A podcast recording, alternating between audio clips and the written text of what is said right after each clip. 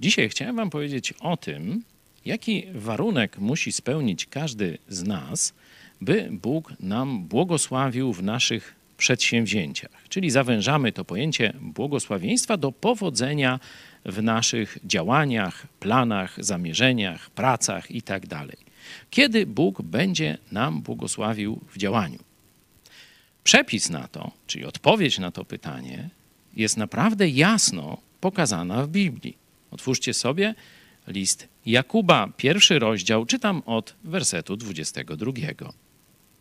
A bądźcie wykonawcami słowa, a nie tylko słuchaczami oszukującymi samych siebie.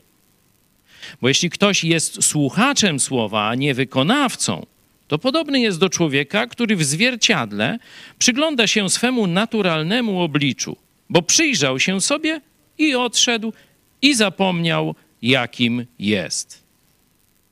Ale kto wejrzał w doskonały zakon wolności i trwa w nim, nie jest słuchaczem, który zapomina, lecz wykonawcą. I tu odpowiedź na kluczowe pytanie. Ten będzie błogosławiony w swoim działaniu.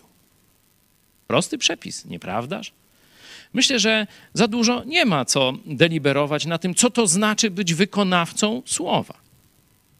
Jest tutaj obraz przejrzenia się w lustrze. Jak patrzysz w lustro jesteś zabrudzony na twarzy, no to idziesz się myjesz. A nie odchodzisz bez zmiany. Nie odchodzisz i zapominasz. Jeśli Biblia mówi nie kradnij, tu do posłów koalicji rządzącej i katolickich biskupów, chcesz być wykonawcą słowa, przestań kraść. Zobaczcie, jakie to proste. Chcesz być przez Boga błogosławiony w swoim działaniu. Zacznij stosować Jego słowo.